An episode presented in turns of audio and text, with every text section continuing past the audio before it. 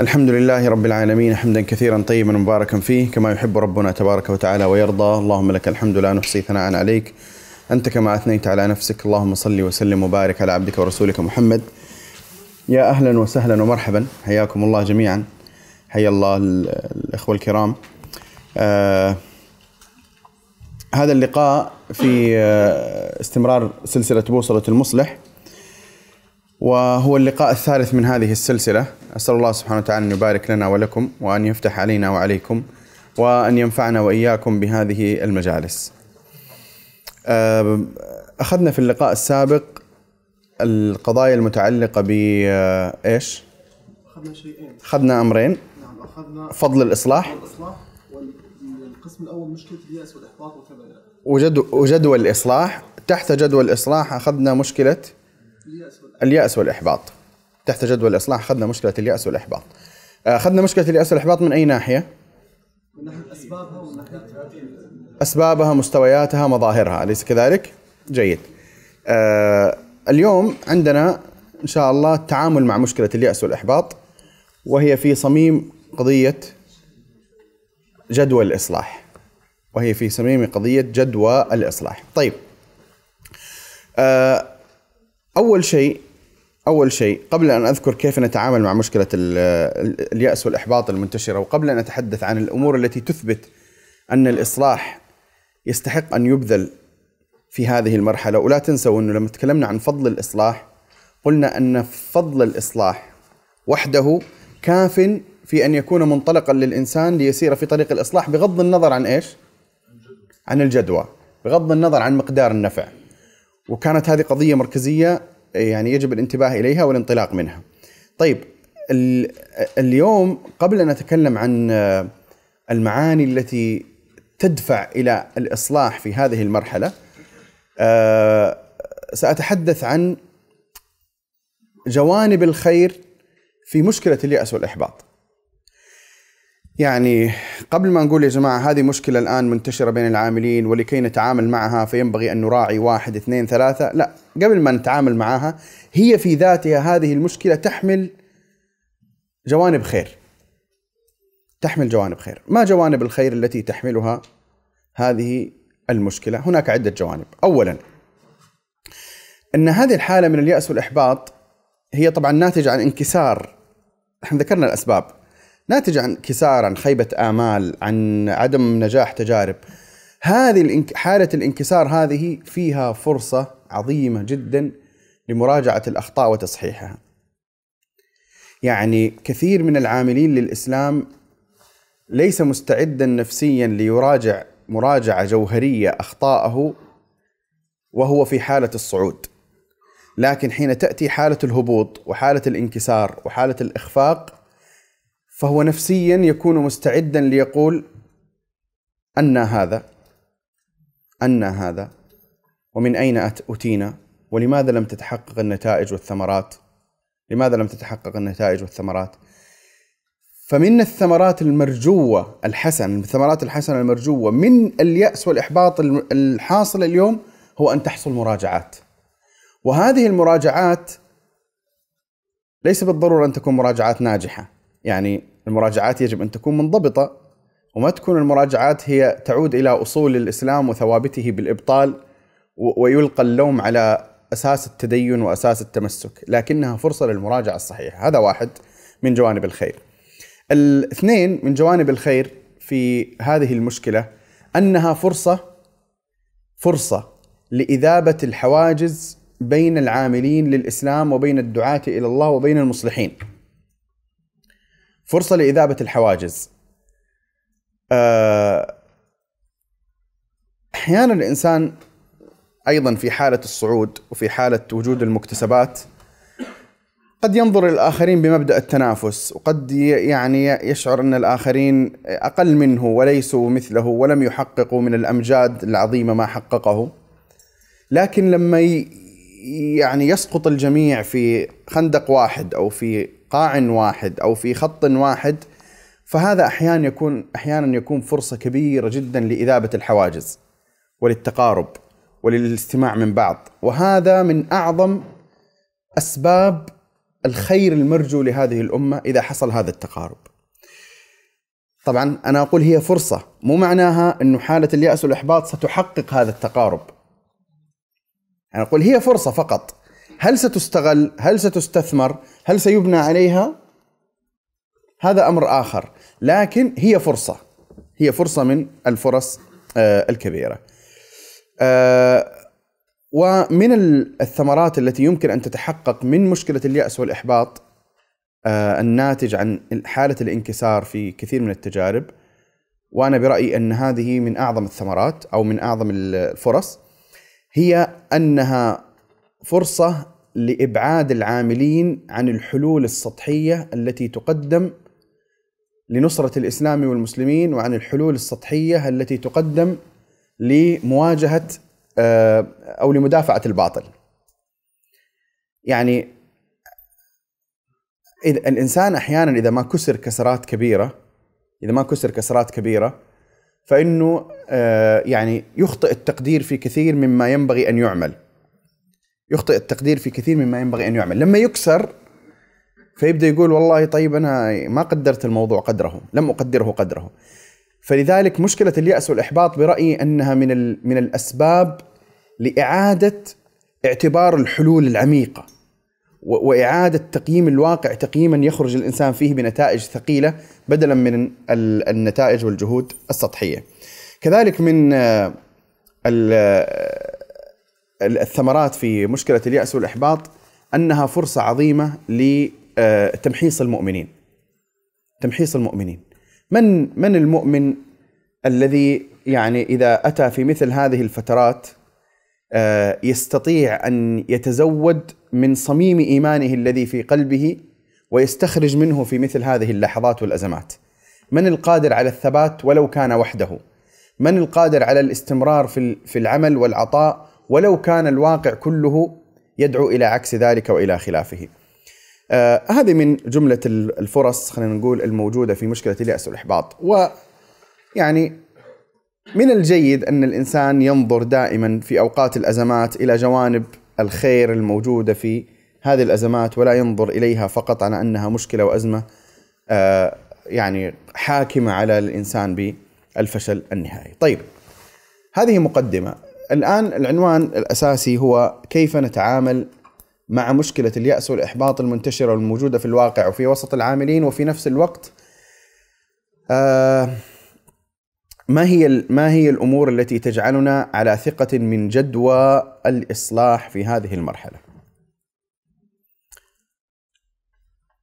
الجواب أن هناك آه أنا سميتها مفاتيح يعني مفاتيح للتعامل مع هذه المشكلة ومع هذه الأزمة ومع هذه النازلة العظيمة ومفاتيح في نفس الوقت لجدوى الإصلاح وهي يعني كثيرة وطويل الحديث فيها آه يعني غالبا سيستغرق إلى آخر إلى آخر هذا اللقاء. طيب أول مفتاح للتعامل مع مشكلة اليأس والإحباط المنتشرة اليوم هو النظر إلى الجوانب الحسنة في مشكلة اليأس والإحباط والتي ذكرتها قبل قليل. هذا أول مفتاح. يعني أول مفتاح للتعامل مع مشكلة اليأس والإحباط هو النظر إلى جوانب الخير الكامنة في هذه الأزمة. هذا واحد اثنين اثنين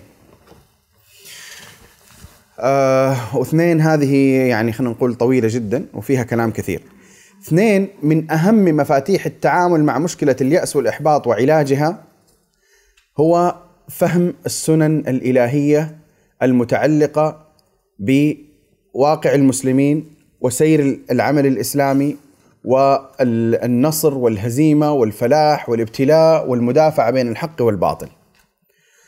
والذي لا يفقه السنن الإلهية هو أكثر إنسان معرض لمشكلتين اثنتين تنشأ تنشأان هاتان المشكلتان تنشأان على آه، ضفاف طريق الإصلاح. المشكلة الأولى مشكلة اليأس والإحباط والمشكلة الثانية مشكلة إيش؟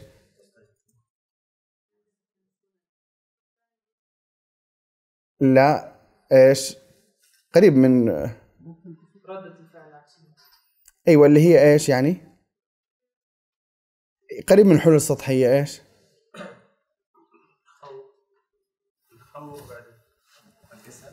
هي عكس لا, لا الآن عكس عكس اليأس والإحباط وال أيوه ال- ال- الغلو استعجال الثمرات حرق المراحل آه، مثل ما آه، يعني قيل الجواب قبل قليل الحلول السطحية.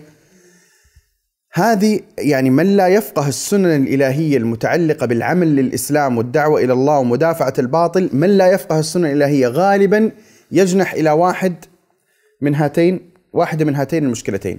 إما مشكلة اليأس والإحباط والفتور والقعود أو ال- التمييع وما إلى ذلك لأنه الإنسان ما يرى جدوى في التمسك بالدين أو بعكس ذلك حرق المراحل استعجال الثمرات است- استبطاء النصر محاولة القفز إلى تحقيق أعلى الثمرات في أسرع الفرص وفي أقرب ال ال ال الأزمنة. أما الفقه السنن الإلهية فيما يتعلق بالحق والباطل ومدافعتهما والتمكين للحق ونصرة الإسلام وما إلى ذلك هي من أعظم ما يجعل المؤمن راسخا ثابتا وهو يعمل لدين الله سبحانه وتعالى. من أعظم ما يجعله راسخا ثابتا وهو يعمل لدين الله سبحانه وتعالى. والحديث عن السنن الإلهية حديث طويل وفيه كلام كثير وبطبيعة الحال ليس هذا يعني الدرس للتتبع الطويل للسنن الإلهية هذه تحتاج مواد طويلة لكن أنا سأشير إلى بعض الأمور المتعلقة بها. أولا يعني سأذكر بعض السنن وسأذكر بعض النصوص المتعلقة بها. آه، قول الله سبحانه وتعالى أو خلينا نقول أول شيء السنة سنة المدافعة بين الحق والباطل. طيب بس قبل ما أذكر أفراد هذه السنن ترى هذه تفيد الإنسان حتى في استقامته الشخصية.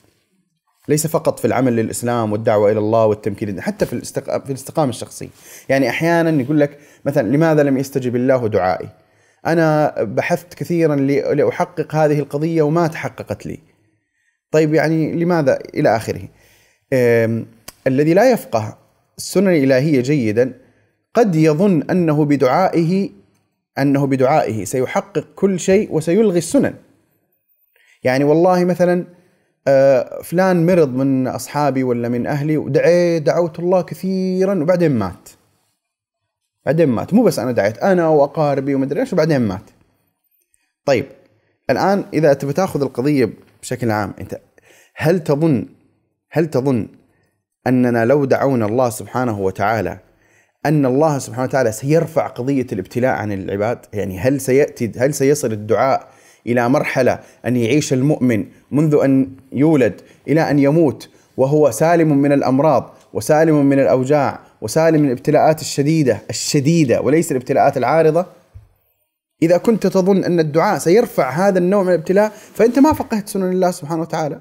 ولم تجمع بين النصوص التي فيها إجابة الدعاء والتي فيها القسم بالابتلاء وبأنواع من الابتلاء.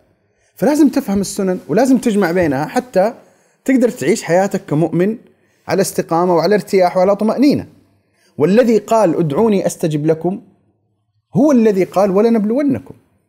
هو نفسه سبحانه القائل هذا والقا- والقائل هذا. وهو الذي يعني ذم أهل الكتاب على أنهم يأخذون أو يؤمنون ببعض الكتاب ويكفرون ببعض المؤمن يأخذ بجميع الكتاب.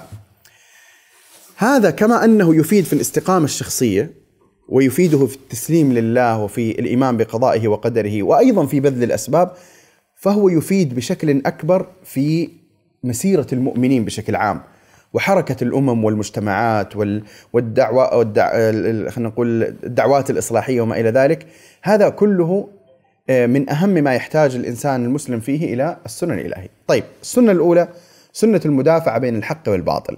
أي أن الله سبحانه وتعالى لم يجعل في قضائه وقدره وسنته أنه إذا وجد الحق فإن الناس سيستجيبون له طوعا وإذا استعملت فيه الأساليب الحسنة فإن الناس سيتقبلون هذا الأسلوب وسيتقبلون هذا الحق وستكون النتيجة هي أن يبدأ ال- الداعي إلى الحق بالتقديم السبب وسيكون ستكون المسيرة مفروشة بالورود والقبول والاستجابة وإلى آخره، لا. قضى الله وقدر في سنته إلى قيام الساعة أن الحق حيثما وجد فلا بد أن يقابل بباطل وأن يكون هناك مدافعه بين الحق والباطل. هذه سنة إلهية يعني لا ننتظر في يوم من الأيام أن ينتهي الباطل ولا أن يقضى عليه ولا أن إذا عدلنا أسلوبنا وصححنا وسرنا على طريق النبي صلى الله عليه وسلم بالضبط فسي يعني يقل سيذهب المبطلون. لا. وجود الباطل ومحاربة الحق ليست مرتبطة بكون صاحب الحق قد وافق الحق أو لم يوافق الحق. وإنما وجود مدافعة الحق من أهل الباطل مرتبطة بوجود الحق في ذاته. وهذه سنة إلهية. بل وقد ذكرها الله سبحانه وتعالى في سياق خلق السماوات والأرض. وكأن السياق يفهم منه أن من أعظم الحكم التي لأجلها خلق الله الخلق المدافع بين الحق والباطل إيش الدليل؟ اي بس إيش السياق عبد الله؟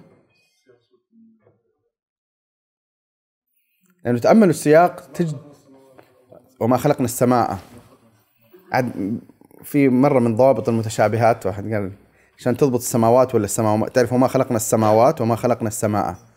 ها؟ فقال لك السماء الأنبياء. تمام؟ نفس الوزن. السماء الأنبياء هذه السماء السماوات في. وما خلقنا السماء والأرض وما بينهما لاعبين. تمام؟ وما خلقنا السماء والأرض وما بينهما لاعبين. لو أردنا أن نتخذ لهوا لاتخذناه من لدنا إن كنا فاعلين بل نقذف بالحق على الباطل فيدمغه فإذا هو زاهق ولكم الويل مما تصفون هذا السياق يفهم منه ماذا؟ يفهم منه أن قضية الحق والباطل وما يتعلق بهما والمدافعة بينهما هي قضية مرتبطة بالغايات الكبرى من إيجاد الخلق أصلا وخلق السماوات والأرض واضح الفكرة؟ طيب الذي يؤمن بهذا المعنى وينطلق منه ويفهم ما يتعلق به في كتاب الله سبحانه وتعالى لن يأتي في ذهنه أنه في مرحلة من المراحل سيكون الطريق خاليا من أهل الباطل الذين يكيدون للحق ويمكرون له وإلى آخره. وهذا يهيئ النفس كثيرا يهيئ النفس كثيرا لأن لا تيأس ولا تحبط عند طول الطريق وعند كثرة المدافعة. آه طيب من يأتي ببعض النصوص القرآنية التي تدل على أن المدافعة بين الحق والباطل أو المدافعة بشكل عام هي سنة من سنن الله سبحانه وتعالى. ولولا دفع الله الناس بعضهم ببعض تمام في آيتين.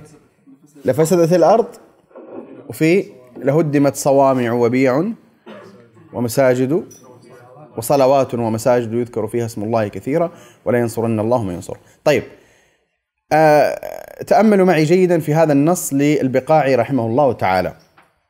البقاعي يعلق على قول الله سبحانه وتعالى ولولا دفع الله الناس بعضهم ببعض لفسدت الأرض. هذه اللي في سورة إيش؟ في سورة البقرة. طيب ماذا يقول البقاعي رحمه الله؟ يقول فتارة فتارة ينصر قويهم على ضعيفهم. الآن ولولا دفع الله إيش؟ الناس بعضهم ببعض. من هم هؤلاء الناس؟ ما ما هي طبيعة هذا الدفع؟ انظر الأقسام أو المعاني التي يذكرها البقاعي ضمن هذه الآية. يقول لك فتارة ينصر قويهم على ضعيفهم كما هو مقتضى القياس. وتارة ينصر ضعيفهم كما فعل في قصة طالوت لأن هذه الآية آتية بعد قصة طالوت. وتارة ينصر ضعيفهم كما فعل في قصة طالوت على قويهم. حتى لا يزال ما أقام من بينهم من سبب الحفظ بهيبة بعضهم لبعض قائما. فهمتم الجملة ولا لا؟ حتى لا يزال ما أقام بينهم من سبب الحفظ بهيبة بعضهم لبعض قائما مين فهمها؟ أن الضعيف أن القوي يخشى الضعيف لا يبقى تمام تمام بس ال- ال- الجملة آه، شو اسمه بتركيبها النحوي مفهوم؟ إيش؟ فين؟ القوي لا لا لا تركيبها النحوي الآن أي حتى لا يزال إيش؟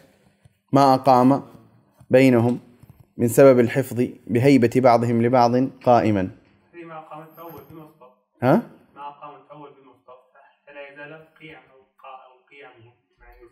لا. هو ما زال هو حتى هو الذي لا يعني حتى لا يزال ما أقام الذي أقامه الله عز وجل في إيه. من هيبة بعضهم بعض. إيه؟ حتى لا يزال هذا قائما آه، يدفع الله في بعض الأحيان القوي بالضعيف. تمام بس وين وين آه لا يزال لها تكملة؟ ها؟ قائما. قائما آخر كلمة في الجملة. حتى لا يزال قائما. وهذه بين جملتين اعتراضيتين. حتى لا يزال ما أقام بينهم من سبب الحفظ بهيبة بعضهم لبعض قائما. واضح الفكرة؟ يعني حتى لا يزال الأمر الذي أقامه الله وهو سبب وجعله سببا للحفظ وهو إيش؟ وهو هيبة بعضهم لبعض. لا يزال حتى لا يزال هذا كله قائما. واضح الفكرة؟ أي أعيد الجملة. قال فتارة ينصر قويهم على ضعيفهم كما هو مقتضى القياس. وتارة ينصر ضعيفهم كما فعل في قصة طالوت على قويهم. حتى لا يزال ما أقام بينهم من سبب الحفظ بهيبة بعضهم لبعض قائما. واضح الفكرة؟ طيب شوف لاحظ. حتى لا يزال ما أقام بينهم من سبب الحفظ. من سبب حفظ إيش؟ الأرض. من سبب حفظ الأرض. تمام؟ بهيبة بعضهم لبعض. طيب ثم قال البقاعي لفسدت الأرض ها؟ قال بأكل القوي الضعيف حتى لا يبقى أحد. ولكن الله هي إيش تمام الآية؟ ولكن الله ذو فضل على العالمين. قال ولكن الله تعالى بعظمته وجلاله وعزته وكماله يكف بعض الناس ببعض ويولي بعض الظالمين بعضا. وقد يؤيد الدين بالرجل الفاجر على نظام دبره وقانون أحكمه في الأزل يكون سببا لكف القوي عن الضعيف إبقاء لهذا الوجود على هذا النظام إلى الحد الذي حده. جيد؟ طيب اذا هذه سنة من السنن الإلهية. طبعا آه، خسارة أنا ما نقلت تتمة التعليق لأنه تتمة تعليق ال- البقاع كان جميل. إيش يقول في تتمة التعليق؟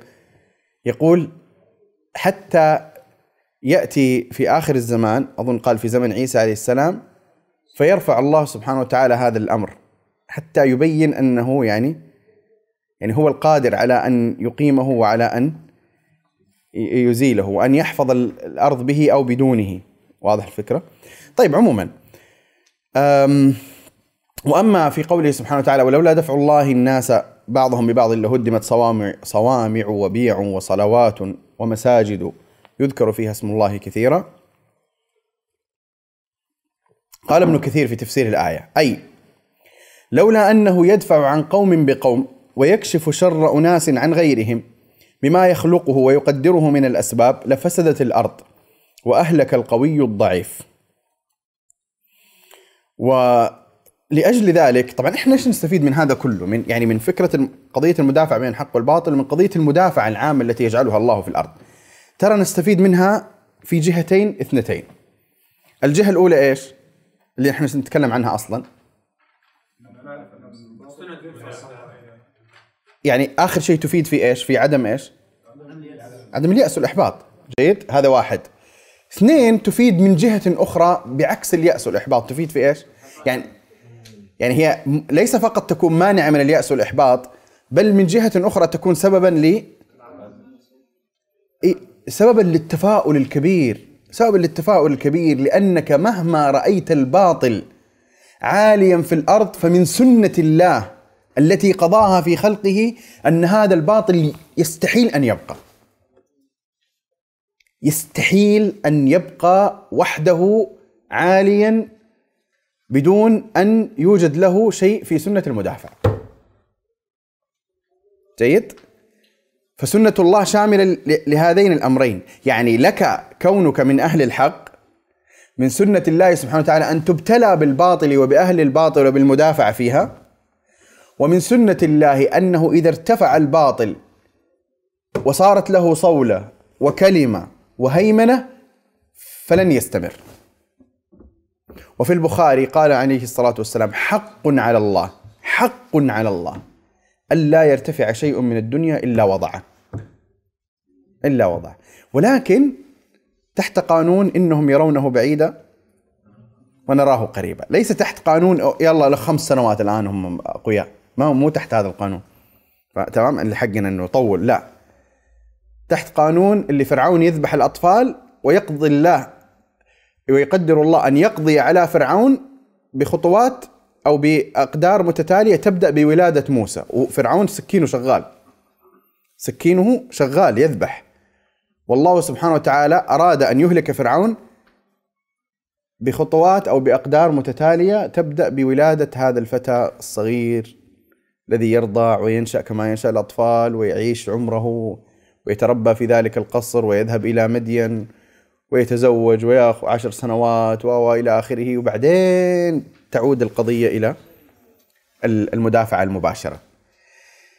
فهذا هذه السنة فهمها وفقهها يفيد على الناحيتين، يفيد في أنه كابح من كوابح اليأس والإحباط ويفيد في أنه مولد عظيم للأمل وان وأن هؤلاء البشر مهما ارتفعوا ترى هم عبي- عبيد لله وتحت سلطانه ولا يوجد شيء اسمه الهيمنة الكاملة المطلقة التي لا يمكن أن تكسر، مستحيل يستحيل يستحيل. طيب إذا كانت المدافعة سنة ثابتة وماضية إذا كانت المدافعة سنة ثابتة وماضية فما الذي سيترتب عليها؟ مدافعة بين الحق والباطل ما الذي سيترتب عليها؟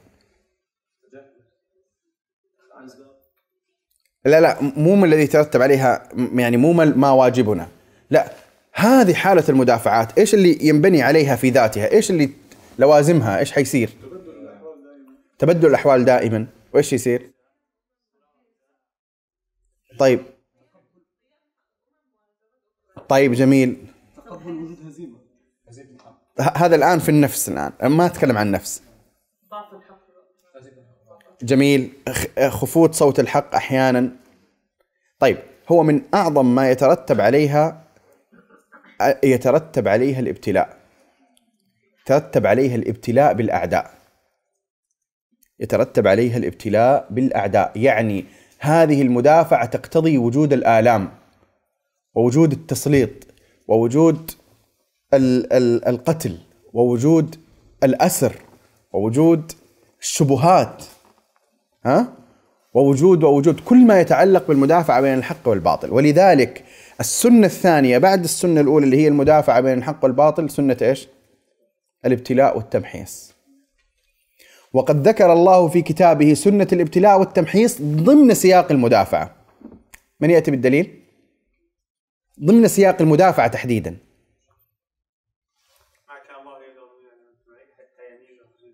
جميل. هذا بس هذه هذه تيجي رقم ثلاثة. اللي هي من نتائج الابتلاءات إنه يصير في تمييز بين الحق وال... بس نفس مصنع الابتلاء هذا ال... هذا ال...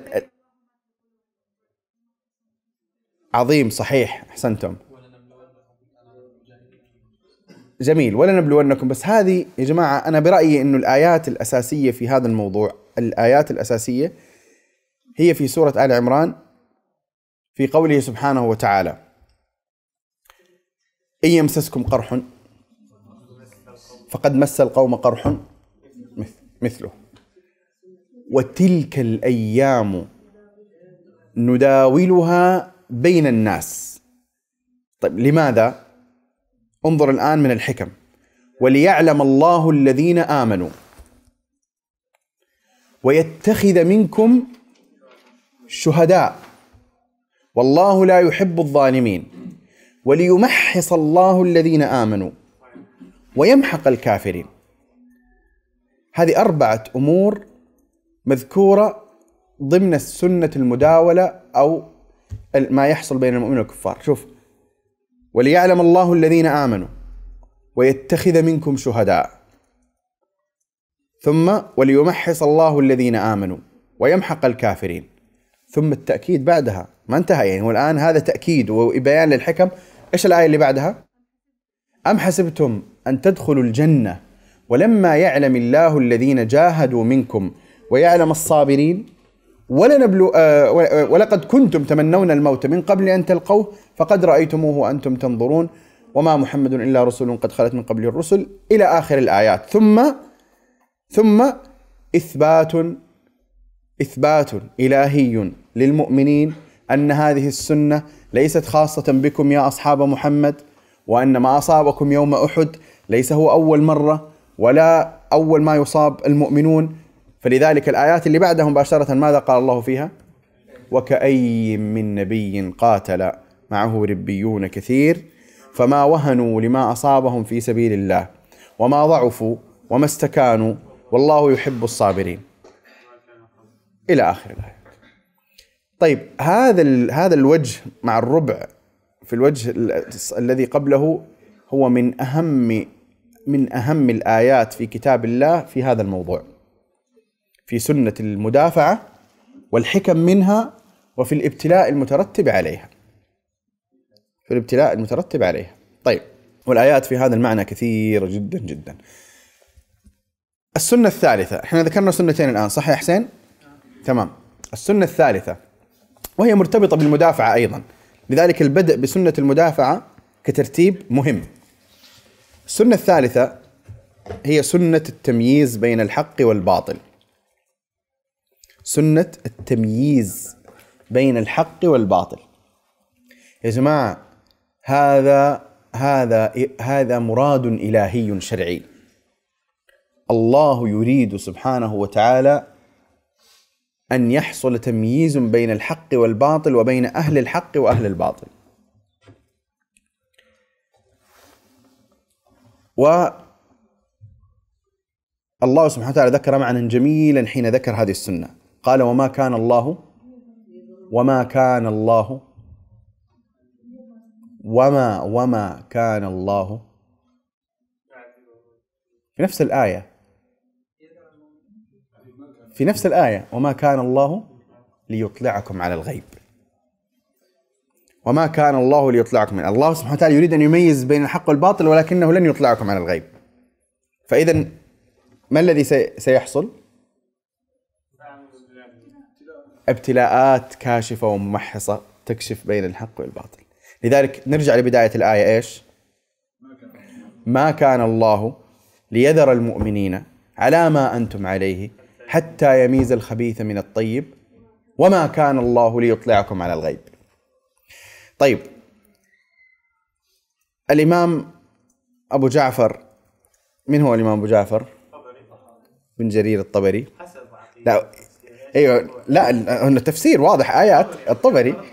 اي يعني لو قلنا مثلا والله سبحانه وتعالى واحد لا شريك له نقول قال أبو جعفر الطحاوي. بس شو اسمه؟ ما دام إنه الآيات وهذا فأبو جعفر بن جرير الطبري. قال أبو جعفر رحمه الله تعالى ما كان الله مفسر الآية ما كان الله ليدع المؤمنين على ما أنتم عليه من التباس المؤمن منكم بالمنافق فلا يعرف هذا من هذا حتى يميز الخبيث من الطيب. يعني بذلك حتى يميز الخبيث وهو المنافق المستسر للكفر. من الطيب وهو المؤمن المخلص الصادق الإيمان. بالمحن والاختبار. كما ميز بينهم يوم أحد عند لقاء العدو عند خروجهم إليه. لأن هذه الآية آتية في أي سياق؟ ها؟ أحد صح؟ هذه ختام الآيات المتعلقة بأحد. بعد سياق طويل في في في الآيات المتعلقة بأحد صح ولا لا؟ في سورة آل عمران. سياق طويل جدا صفحات كثيرة من القرآن في سورة آل عمران عن غزوة أحد وما يتعلق بها.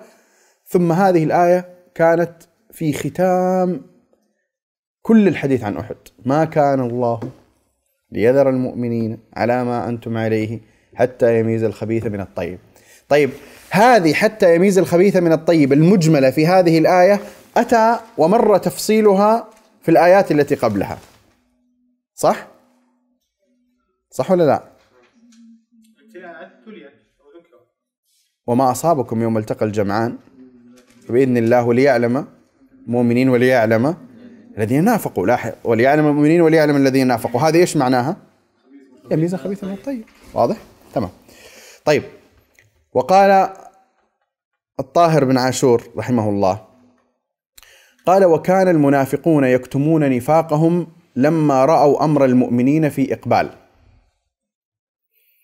ورأوا انتصارهم يوم بدر فأراد الله أن يفضحهم ويظهر نفاقهم بأن أصاب المؤمنين بقرح الهزيمة حتى أظهر المنافقون فرحهم بنصرة المشركين وسجل الله عليهم نفاقهم باديا للعيان. كما قال جزى الله المصائب كل خير إيش؟ عرفت بها عدوي من صديقي. كما قال الشاعر جزى الله المصائب كل خير عرفت بها عدوي من صديقي. طيب الآن ما مضى هو إشارة يسيرة لشيء يسير متعلق بالسنن الإلهية. فالذي لا يفقهه الذي لا يفقهه وإذا لم يربى الشباب عليه الذين يراد لهم أن يكونوا دعاة أو مصلحين ثم يخوضون في غمار المدافعة بين الحق والباطل وهم لا يدركون هذه السنن ها سيكونون بخير طالما أن الكلمة عالية كلمة الحق عالية أليس كذلك؟ فإذا حصلت الابتلاءات وطال الطريق وقل الزاد أثار الشيطان الشكوك وثارت الظنون وبدأت التساؤلات. ولماذا؟ ولماذا؟ طب نحن نصلي ونصوم وإحنا متعففين عن الحرام. أولئك أكالون للربا سفاكون للدماء هتاكون للأعراض. لا يرقبون في مؤمن إلا ولا ذمة. لا يخافون الله سبحانه وتعالى. ثم بعد ذلك يرقصون يرقصون طربا على جثثنا وأشلائنا. ها؟ فيأتيك السؤال طيب لماذا؟ أين الله عنا؟ أين المدري إيش؟ أين الكذا؟ سبحان الله طب من الذي قال هذا الكلام؟ من الذي قال كل هذه الآيات اللي تكلمنا عنها في في ليس فقط في إنه سيكون هناك ابتلاء لا. الآيات التي تقول أم حسبتم؟ يعني هل أنتم تظنوا أم حسبتم؟ أم حسبتم أن تدخلوا الجنة ولما يأتكم مثل الذين خلوا من قبلكم مستهم البأساء والضراء وزلزلوا حتى يقول الرسول والذين آمنوا معه متى نصر الله؟ ألا إن نصر الله قريب. أم حسبتم؟ يعني هل تظنون أن الواقع سيكون هكذا قبل ما يأتيكم هذا؟ فالذي ينطلق في طريقه وعنوان هذا هذه المادة كلها بوصلة المصلح. المصلح الذي ينطلق في طريقه ومن علامات البوصلة الأساسية لديه الابتلاء والتمحيص والمدافعة بين الحق والباطل وما إلى ذلك هذا يدخل إلى طريق الدعوة إلى الله وإلى الإصلاح بنفسية تختلف عن من يتعامل بمعادلات محددة ويظن إنه يلا إحنا الآن جهز مشروع آه، دعوي ولا مشروع إصلاحي آه، كم الخطة؟ الخطة خمس سنوات. السنة الأولى كذا السنة كذا كذا الخامسه حتتحقق هذه النتائج والثمرات. واضح؟ هذا آه، إشكال كبير جدا في يتفاوت به العاملون. كم مفتاحا ذكرنا الآن من مفاتيح التعامل مع مشكلة اليأس والإحباط؟ مفتاحين. طيب إحنا عندنا تسعة أو عشر مفاتيح فنحاول نخلصها.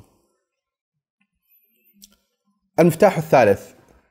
من مفاتيح التعامل مع مشكلة اليأس والإحباط وفي طريق العمل الإسلامي والإصلاح. طبعا المفاتيح بس خلينا يعني أنبه تنبيه على المفاتيح. ترى هذه المفاتيح مو كلها معالجة. هذه المفاتيح هذه بعضها وقاية. تمام؟ بعضها وقاية بعضها معالجة مباشرة بعضها تدارك ممكن آثار بعض فهي متنوعة يعني ليست كلها يعني معالجة مباشرة. بعضها بعضها نتيجة ما حصل آه لا لازم إذا ننتبه. وفواحد من المفاتيح إنه نعمل على الوقاية من كذا. واضح الفكرة؟ طيب. آه من المفاتيح وهو المفتاح الثالث أهمية العمل على تثبيت أصول الإيمان وتقوية اليقين وتعزيزه بالله سبحانه وتعالى بحيث ألا يقبل الدخول الشك عليه بسبب الابتلاءات والمصائب يعني في كل بناء إصلاحي يجب أن يكون من الأركان الكبرى التي يبنى عليها الشاب الذي يراد له أن يكون مصلحا أو الذي يريد أن يكون مصلحا تعزيز اليقين والإيمان وتثبيت أصول آه، الثوابت في نفسه. يعني ما يصلح الإنسان يدخل آه، إلى العمل الإصلاحي والدعوة إلى الله آه، لأنه متميز في تخصص هندسي فإحنا يعني لازم تستثمر هذا التخصص في الدعوة إلى الله وهو الآن يسير في طريق الإصلاح بكونه معاه شهادة هذا وما له دخل بأصول الإيمان وتثبيتها وما هو منطلق من عقيدة راسخة ويقينية وجذور في الإيمان ممتدة إلى أعماق النفس. يا جماعة الخير الشهادات تطير. الخبرات تروح. المهارات تراها في اليد. جيد؟ المهارات في اليد. الابتلاءات تتجاوز كل هذه الصور. الابتلاءات وين تدخل؟ إيش قال الله؟ وليبتلي إيش؟ وليمحص الله. وليمحص الله ما في. ها قلوبكم ولا صدوركم. قلوبكم وليبتلي ما في صدوركم. ما شاء الله كلنا ملخبطين فيها. في سورة آل عمران. ها؟ وليبتلي الله ما في صدوركم وليمحص ما في قلوبكم. لاحظ لاحظوا. شوفوا جماعة مهم ترى ها؟ وليبتلي الله شوفوا الابتلاء وين رايح؟ ما في صدوركم وليمحص ما في قلوبكم. مهارات خبرة لما تتوتر خذ نفس عميق عشر مرات آه، روح مدري إيش فاهم؟ آه، خذ لك آه، كذا كلم مدري مين كله هذا يروح. كله هذا يروح. أصلا ممكن تجي أزمات نفس ما تقدر تاخذ مو عميق ولا ما تقدر تاخذ نفس أصلا. تمام؟ الابتلاءات تخترق الحجب. وتخترق المظاهر وتلج إلى أعماق القلوب والنفوس. وأنا أشبهها أحيانا كأنها يد فولاذية ها بعض الابتلاءات كأنها يد فولاذية تخترق الضلوع الصدريه لديك وتمسك بما في داخل ال- ال- الضلوع الصدرية هذه. إيش في داخلها؟ قلب أهم شيء القلب تمسك وتعصر. تعصر القلب عصرا تمام؟ في ذاك الوقت في ذاك الوقت وبعض الابتلاءات حقا وصدقا لا ينجيك منها إلا دعاء الغريق، تعرف دعاء الغريق؟ الغريق شفت است- استنجاد الغريق؟ خلك الآن من الدعاء اللي هو يعني في يعني إني أنا أبغى أزيد خير أو لا لا, لا. شفت دعاء الغريق؟ شفت استجابة الغريق؟ كيف ينادي؟ ها؟ يا ناس يا رب. خلاص وشايف الموت أمامه وفي لحظات يعني يا يعيش يا يموت. تمام؟ بعض الابتلاءات تصل إلى هذه المرحلة. تصل إلى هذه المرحلة. ذاك الوقت لا تقول لي كم شهادة أخذت كم دورة تدريبية قدمت كم مهارة معرفه كله هذا يروح. كله يروح. في الابتلاءات الشديدة لا يبقى إلا اليقين بالله. ما في ما في ولا شيء. ما في إلا أن تتوكل على الله والتوكل لا يكون إلا باليقين صح؟ التوكل مبني على إيش؟ يقين. يقين توكل بلا يقين مستحيل. توكل غفلة هذا. توكل لا يكون إلا على يقين. ولذلك أيها الكرام من أهم التعريفات التي نعرف بها تعزيز اليقين وهذا مهم جدا من أهم التعريفات التي نعرف بها تعزيز اليقين مش نعرف بها مشاريع تعزيز اليقين ها؟ هي أن يكون هذا اليقين سببا للثبات عند الأزمات. يعني من الخطأ لما نتكلم عن تعزيز اليقين تعزيز اليقين على طول يجي ببالنا مين؟ الملحدين والجدال مع الملحدين والرد على الشبهات وال- والوقاية من الإشكالات الفكرية والاتجاهات النسوية والمد... لا لا لا مو بس كذا. تعزيز اليقين من أهم ثمراته الثبات عند الأزمات. الثبات عند الأزمات. طيب إيش الدليل على أن اليقين اليقين بالله سبحانه وتعالى وبوعده هو من أهم أسباب الثبات عند الأزمات الكبرى الحادة الصعبة الحرجة. في آيات واضحة يعني أو مواقف واضحة في القرآن. جميل. جميل. واحد اثنين ولما رأى المؤمنون الأحزاب ولما رأى المؤمنون الأحزاب قالوا هذا ما وعدنا الله ورسوله. نقطة. واضح. من المؤمنين رجال صدقوا ما عاهدوا الله عليه بس هذا أقرب للصدق. أحسنتم. في قصة طالوت وجالوت نص واضح. لأنه لما حصل الانحسار والانكشاف و- أو خلينا نقول لما حصل حالة إنه ك- آه، إيش؟ لا طاقة لنا اليوم بجالوت وجنوده الله سبحانه وتعالى أبرز لنا في الذين ثبتوا صفة واحدة. إيش هي؟ يظنون أنهم ملاقوا الله. يا جماعة ننتبه للآيات. إبراز الله لهذه لهذه الصفة معناه أنها إيش؟ سبب. هي السبب الذي لأجله ثبتوا. قال الذين يظنون أنهم ملاقوا الله كم من فئة قليلة غلبت فئة كثيرة بإذن الله. والله مع الصابرين. طيب آيات أخرى وهي ما يتعلق بسحرة فرعون. ما الذي جعل سحرة فرعون بعد إيمانهم يثبتون أمام التهديد الفرعوني الذي الذين هم أكثر من غيرهم يعلمون أنه تهديد يتبعه عمل وليس تهديد كلام، صح ولا لا؟ هم سحرته يعني. هم عارفين لما فرعون قال لهم لو قطعنا أيديكم وأرجلكم من خلاف هو عارفين أنه هو حيصير. تمام؟ ولذلك ترى ما قالوا هم إنه يعني إيش؟ ما راح تقدر، ما راح تستطيع، ما, ما لا. اقضي ما أنت قاض. اقضي ما أنت قاض، إيش تبي تسوي؟ يعني تقطع ايدين ورجلنا خلاف، تمام هذا هذا الشيء، في شيء ثاني؟ اقضي ما أنت قاض. اللي تبغاه اعمله. إنما تقضي هذه الحياة الدنيا. وقالوا كلمة عجيبة، قالوا لا ضير. لا ضير لا ضير يعني. لا ضير لا ضير هذه يعني إحنا نقولها في خلاف شغلة بسيطة من لا ضير يعني خلاص ماشي يعني ما ما راح ما يضر إن شاء الله ما يضر. هم قالوها وأرواحهم ستزهق وستقطع أيديهم وأرجلهم وسيصلبون أو سيصلبون في جذوع النخل. ويقول لا ضير إنا إلى ربنا منقلبون. إنا إلى ربنا منقلبون. السؤال ما السبب الذي جعلهم يثبتون عند هذه الأزمة؟ بكلمة واحدة اليقين. لماذا قلنا اليقين؟ إيش الدليل؟ مو كلام، ليش قلنا اليقين هو السبب؟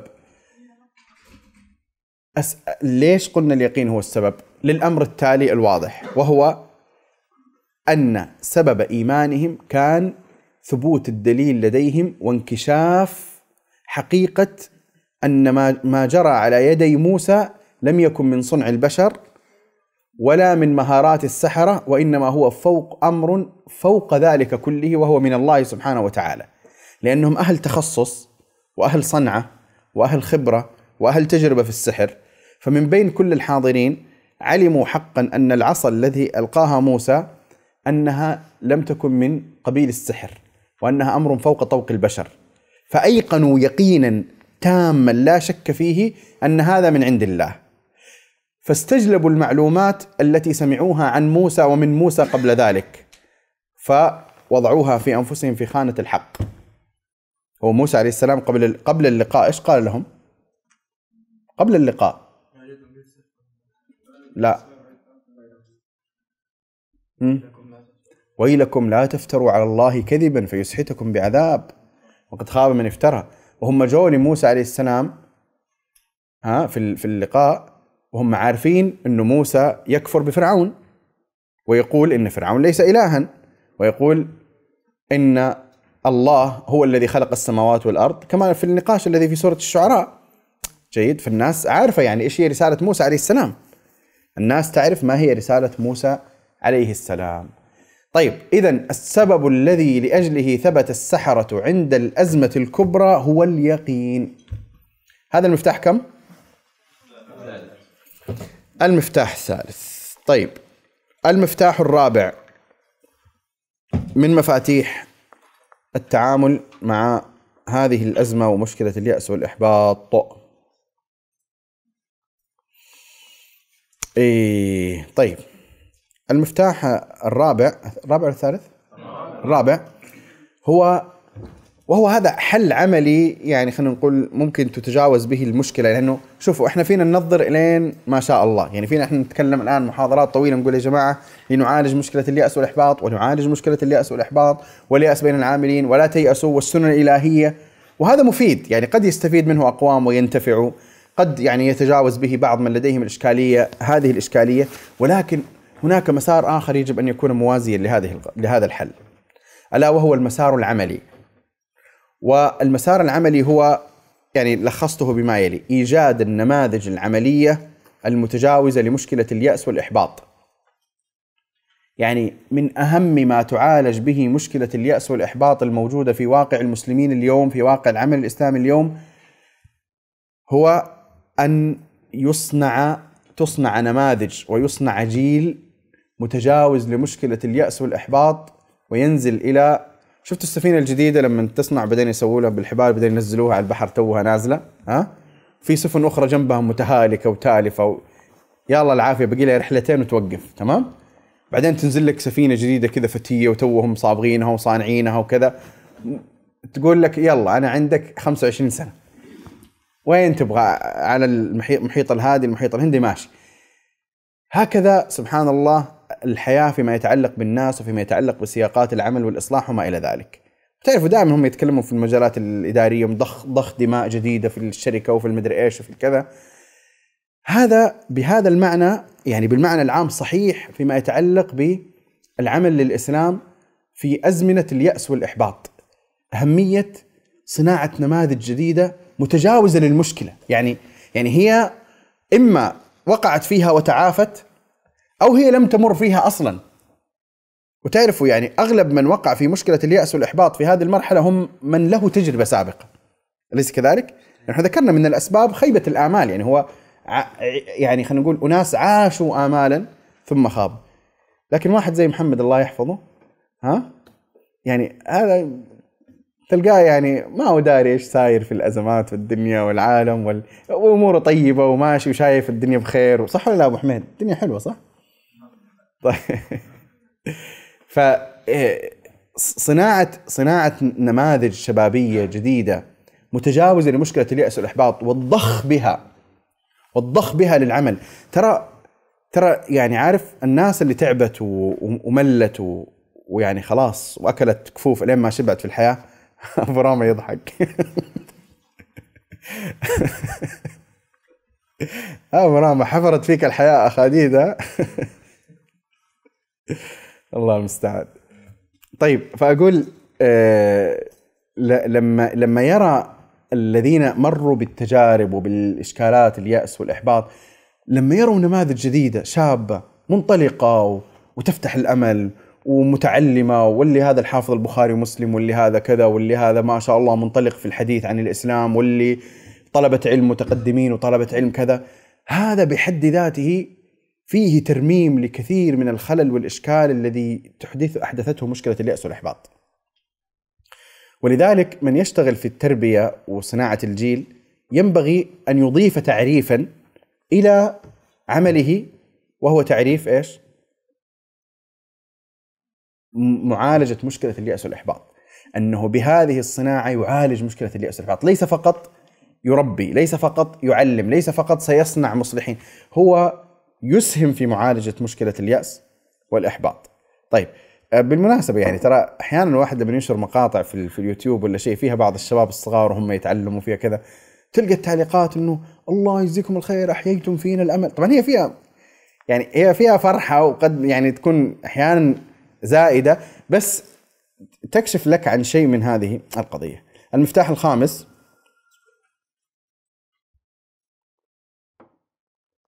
المفتاح الخامس من مفاتيح التعامل مع مشكلة اليأس والإحباط. هذا المفتاح هو العمل على بث الوعي بث الوعي العميق المتصل أو المتعلق بأعداء الإسلام وتاريخهم وأساليبهم وما يتعلق بالسياقات المؤثرة في هذا الواقع الذي نعيش فيه. آه، أنا برأيي حقيقة أن من أهم أسباب اليأس والإحباط التي حصلت عند بعض العاملين هو أنهم لم يكونوا على هذا المستوى من الوعي. لم يكونوا يظنون أن أن هناك اناسا يمكن أن يرتكبوا هذه الجرائم. لم يكونوا يظنون أن هناك اناسا يكرهون الحق إلى هذه الدرجة. لم يكونوا يظنون مقدار الكيد الموجود تجاه الإسلام وأهله. فصدموا ببعض الصدمات وبعض الأزمات الكبرى قالوا يعني معقول إنه في إنه ممكن يصل الحال إلى هذه الحال؟ بينما يا جماعة شوية وعي بس شوية وعي شوية وعي التاريخ بس بس يعني لسه بس 100 سنة يعني ما هو كثير فقط 100 سنة انظر إيش اللي كان حاصل وش اللي صاير وش اللي صار في هذه الأزمات وإيش الحروب اللي صارت وكيف المشكلات وإيش اللي جالس يصير في في وسائل هذا الكيد. والله أحيانا قصتين ثلاثة أربعة موثقة ومعروفة ومفهومة يفهمها الإنسان ويعيها وهي متعلقة بأطراف من الشر موجودة إلى اليوم. تقول آه أثر الموضوع كذا. وأنا زعلان وموتر بالي وأسئلة في بالي الين ولا كنت. لا يا حبيبي. أنت كما إنك تشتغل بالليل والنهار لتعمل لهذا الدين وتنصره ولي وتحمل همه وإذا رأيت مآسي في التلفزيون ولا في شبكات التواصل آه، يعني ممكن يومين تقلق وت- وتتكدر وما إلى ذلك. تمام؟ وحريص ولما تشوف عمل خيري ودك تدعمه ودك تشارك فيه ودك مدري إيش مثل ما هذا عندك فأنا يؤسفني أن أقول لك يوجد أضعافه أضعافه عند من يعادي الحق. أضعافه. ويوجد أناس يسهرون ويخططون ويمكرون بالليل والنهار ويعقدون مجالس ويبذلون أموال لا تحصى وي- وي- ويتخذون أدق أنواع أو يسلكون أدق أنواع التخطيط ليكيدوا للإسلام وأهله وللمسلمين واهل آه الإسلام. طيب يعني هذا بقى قضية مؤامرة وكذا هذا شيء آخر، أنا ما أتكلم إنه هم يسووا كل شيء. أنا ما أتكلم إنه هؤلاء يعملون كل شيء فيما يتعلق بالإسلام بس هؤلاء موجودون. أناس يكيدون للإسلام ليل نهار هؤلاء موجودون. فينبغي لنا الا نجعل القضية إنه كأننا نغرد وحدنا. جيد؟ وفي نفس الوقت وفي نفس الوقت لا يصح ولا ينبغي ولا يجوز أن يأتي إنسان ها إذا تعثر شخص في في الطريق قالوا آه هذا بسبب كيد الأعداء وتخطيطهم الدقيق. وإذا جاء لقاح قالوا أكيد في شرائح حطونا للتجسس في ادري إيش رصد الأحوال الشخصية الداخلية للجينات المدري إيش تمام؟ يعني بلاش مبالغة. ترى بالمناسبة بالمناسبة يا جماعة اللي ما اللي ما يعي الأمور على حقيقتها ها اللي ما يعي الأمور على حقيقتها تجد عنده هذه المبالغة. أكثر الناس وعيا بأعداء الإسلام وكيدهم ومكرهم هم الذين يضعون يعرفون أين النطاق الذي يعملون فيه. وما القضية؟ بلا عد مبالغات شرائح وما شرائح هذا الشيء ما له دخل يعني. لكن في نفس الوقت هناك سذاجة أحيانا عند الآخرين في في الجهة الأخرى. إنه إيش في؟ يا ابن الحلال والله ما حد مفكر فيكم أنتم المسلمين ولا أحد يعمل لكيدكم ولا أحد يعمل لمكركم ما أدري إيش وإنما كل منكم من تجاربكم. هذا أيضا تطرف في الجهة الأخرى. لا يا حبيبي في أناس يمكرون الليل والنهار كيدا في الإسلام وأهله وعندي بعض القصص والنماذج التي لا يسع المقام أو لا يسمح المقام بذكرها وإلا فهي نماذج يعني إيش ممكن أقول؟ شيء لا يصدق شيء لا يصدق في أمور قد تعتقد أنها أنه لا يمكن أن يصل ال- الحقد والكيد إلى هذه المناطق وإلى هذه الدرجات. فعموما خلاصة الكلام من أعظم ما يؤدي إلى اليأس والإحباط هو عدم الوعي بإيش اللي صاير. عدم الوعي إيش اللي صاير، فإذا جاءت النتائج السلبية قال أوف والله في شغلات زي كذا إحنا ما ندري. لذلك بناء الشباب على الوعي على إدراك التاريخ الحديث، على إدراك السياقات آه، آه، القوى المؤثرة، إيش حتى من الناحية الفكرية ترى، حتى من الناحية الفكرية إيش اللي صاير؟ إيش أهم الأفكار المؤثرة؟ إيش ال... إيش المؤسسات اللي جالس ترعى نشر ال- الفكر ال... يعني الحين يعني مثلا هل نحتاج إثبات إنه في كيد مثلا. أو في سعي حثيث ومنظم و... و... واستثنائي لنشر الشذوذ مثلا؟ ما يحتاج بس طيب لازم نعي إيش اللي صاير؟ إيش اللي صاير؟ إيش هذه المؤسسات؟ فين تبى توصل؟ حتى ما نفاجأ بعدين ما نفاجأ بعدين بهذه الثمرات وإحنا آه، كنا كما يقال نايمين في المدري إيش فلازم الإنسان ينتبه لقضية الوعي والبناء الوعي وبناء الشباب على الوعي آه، لأن هذا بإذن الله تعالى من أعظم ما يجعل الإنسان يقظا منتبها ما الذي يمكن أن يفعل. وهذا المعنى أيها الكرام أيتها الكريمات هذا المعنى مكرر في كتاب الله. والله سبحانه وتعالى قد بنى أصحاب نبيه على التوعية والوعي بما الذي يحيط بهم من إشكالات يبدو ظاهرها غير مشكل. ولذلك يقول الله سبحانه وتعالى: ومن الناس من يعجبك قوله في الحياة الدنيا ويشهد الله على ما في قلبه وهو ألد الخصام وإذا تولى سعى في الأرض ليفسد فيها ويهلك الحرث والنسل والله لا يحب الفساد وقال سبحانه وتعالى ألم تر إلى الذين يزعمون أنهم آمنوا بما أنزل إليك وما أنزل من قبلك يريدون أن يتحاكموا إلى الطاغوت وقد أمروا أن يكفروا به ويريد الشيطان أن يضلهم ضلالا بعيدا. وإذا قيل لهم تعالوا إلى ما أنزل الله وإلى الرسول رأيت المنافقين يصدون عنك صدودا؟ فكيف إذا أصابتهم مصيبة بما قدمت أيديهم ثم جاءوك؟ يحلفون بالله. إن أردنا إلا إحسانا توفيقا. إن أردنا إلا إحسانا وتوفيقا. وكذلك قال الله سبحانه وتعالى والذين اتخذوا مسجدا ضرارا وكفرا وتفريقا بين المؤمنين وإرصادا لمن حارب الله ورسوله من قبل ولا يحلفن ولا يحلفن إن أردنا إلا الحسنى والله يشهد إنهم لكاذبون. إلى آخره من الآيات الكثيرة في كتاب الله التي تبين هذا المعنى وتدل عليه وتؤكده وتكشف وتزيد من وعي المؤمنين بواقعهم. والله يا جماعة الواقع اليوم مع الأسف مع الأسف عند كثير من طلبة العلم الشرعي آه، يقعون في هذا الإشكال في في في عدم الوعي قلة الوعي ثم بعد ذلك لما تأتي ملابسات موجودة في الواقع ما عندهم معطى الكيد معطى الأعداء معطى ما يفعلون ما عندهم خبرة أصلا بهذه الوسائل التي يعني استعملها الأعداء في الخمسين سنة الماضية كثيرا جدا في التفريق بين المؤمنين في آه، يعني آه، حرف بوصلة العمل الإسلامي إلى آخره طيب كم مفتاح ذكرنا؟ خمسة مفاتيح المفتاح السادس من مفاتيح التعامل مع هذه المشكلة والأزمة هو مفتاح ال- اليقين أيضا ولكن اليقين بإيش؟ إيش تتوقعوا؟ إحنا قلنا أول شيء اليقين بإيش؟ كم مفتاح الثالث أو الرابع؟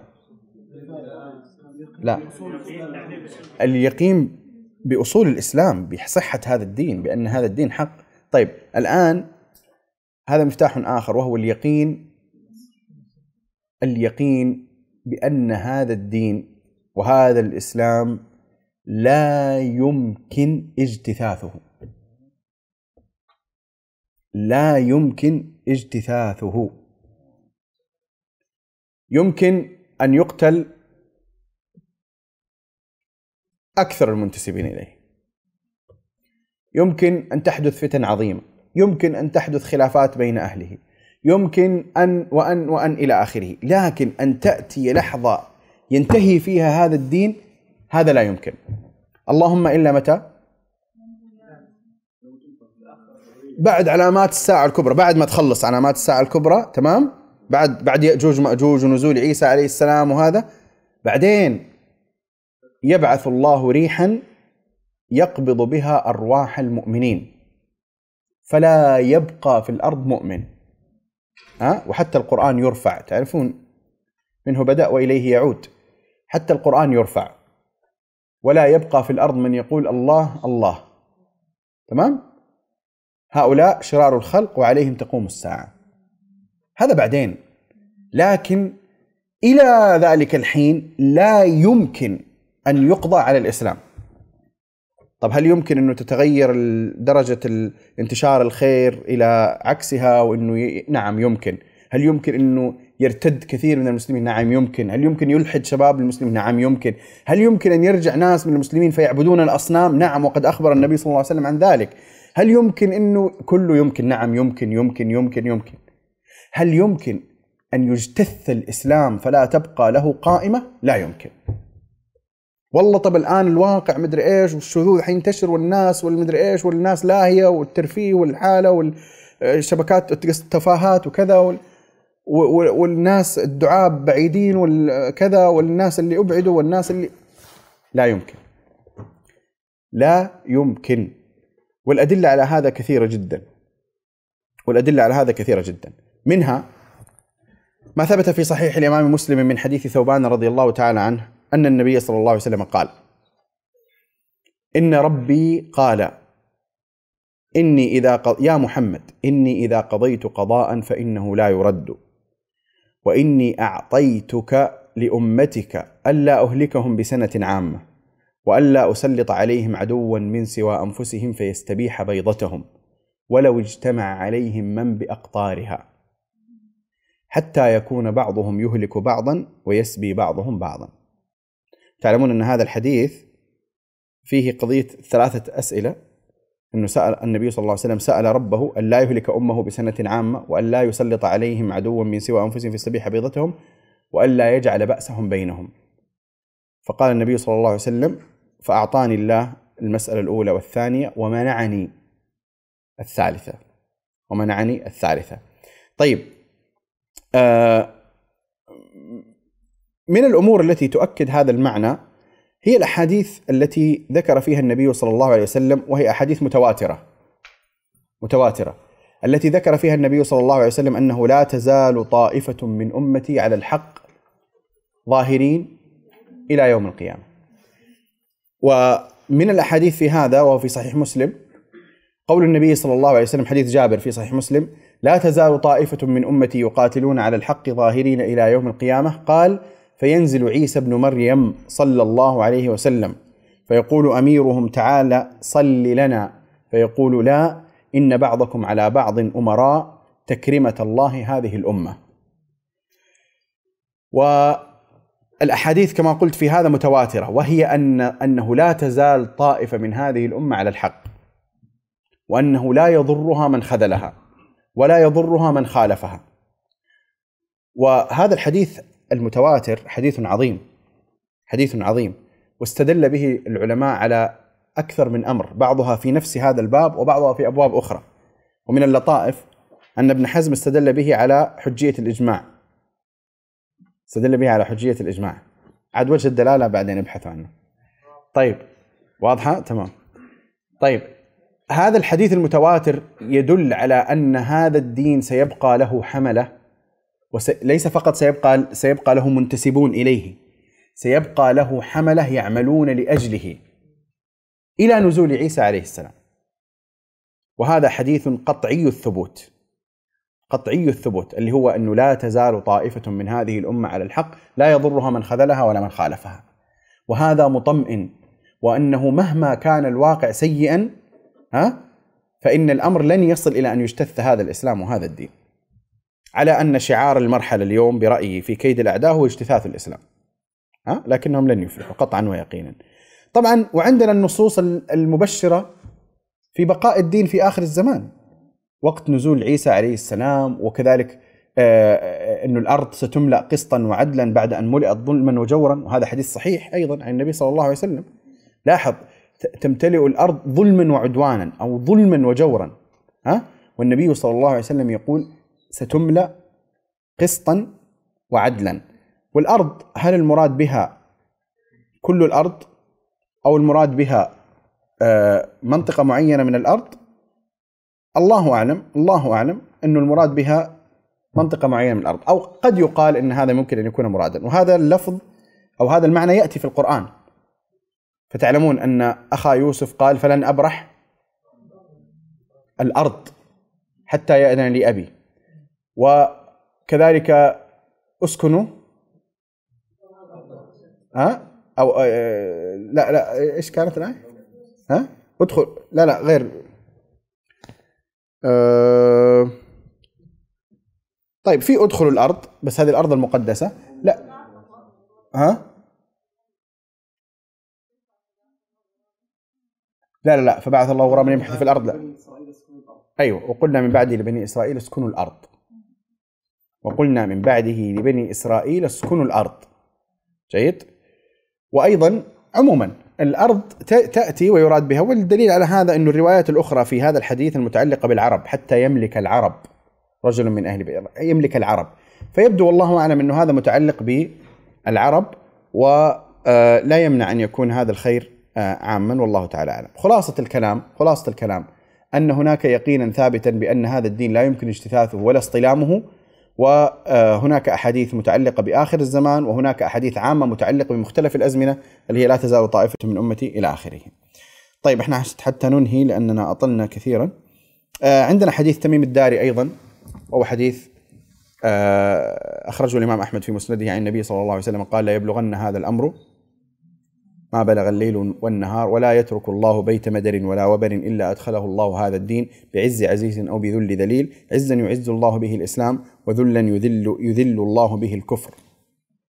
وكان تميم الداري رضي الله تعالى عنه راوي الحديث يقول قد عرفت ذلك في أهل بيتي. لقد أصاب من أسلم منهم الخير الخير والشرف والعز ولقد أصاب من كان منهم كافرا الذل والصغار والجزية. طيب آخر نقطة في هذا المفتاح آخر نقطة في هذا المفتاح هي أن من أعظم ما يبشر في هذا المعنى ليس فقط بقاء الدين وإنما ما روي عن النبي صلى الله عليه وسلم أن أن الله يجدد هذا الدين كل فترة. فليست القضية أنه هو مجرد أنه سيبقى ولا أنه سيبقى له حملة يعملون لهذا الدين وإنما أن الله يجدد هذا الدين أو يبعث الله على رأس كل مئة سنة من يجدد لها دينا. لهذه الأمة من يجدد لها دينا. فهذه سنة ماضية. الله سبحانه وتعالى في كل مرحلة من مراحل الأمة يحدث فيها آه، الفتور وال... وبالمناسبة ترى هذا الحديث يجدد لها دينها ترى هذا يدل على حالة ال- النزول وحالة الصعود. يعني يجدد لها دينها هذا يعني قد يحمل فيه معنى إيش؟ الاحتياج إلى التجديد وإنه يعني آه، حالة النزول وحالة الفتور اند- خلينا نقول اندراس المعالم آه، ثم يبعث الله من يجدد لها دينه. طيب هناك مفاتيح أخرى باقية أكتفي الآن بهذا القدر حتى لا أطيل أكثر من ذلك إن شاء الله في اللقاء القادم أكمل المفاتيح ثم بعد ذلك ننتقل إلى القسم الثالث من من المادة اللي هو إيش كان القسم الثالث؟ منهج الإصلاح والبوصلة الإصلاحية. أسأل الله سبحانه وتعالى أن يتقبل منا ومنكم صالح الأعمال وأن يغفر لنا ولكم وأن يرحمنا وإياكم. اللهم لا تجعل بيننا شقيا ولا محروما. اللهم لا تجعل بيننا شقيا ولا محروما. ونسألك أن تنزل علينا رحمتك وبركتك وأن تغفر لنا ذنوبنا. اللهم اهدنا وسددنا واشرح صدورنا وفرج همومنا. اللهم إنا نسألك لهذا الجمع الطيب من كان منهم مهموما أو مبتلا أو مريضا أو مديونا نسألك اللهم أن تقضي حوائج أهل هذا المجلس. اللهم اقض حوائج أهل هذا المجلس وفرج همومهم ونفس كرباتهم يا رب العالمين. اللهم صل وسلم وبارك على عبدك ورسولك محمد.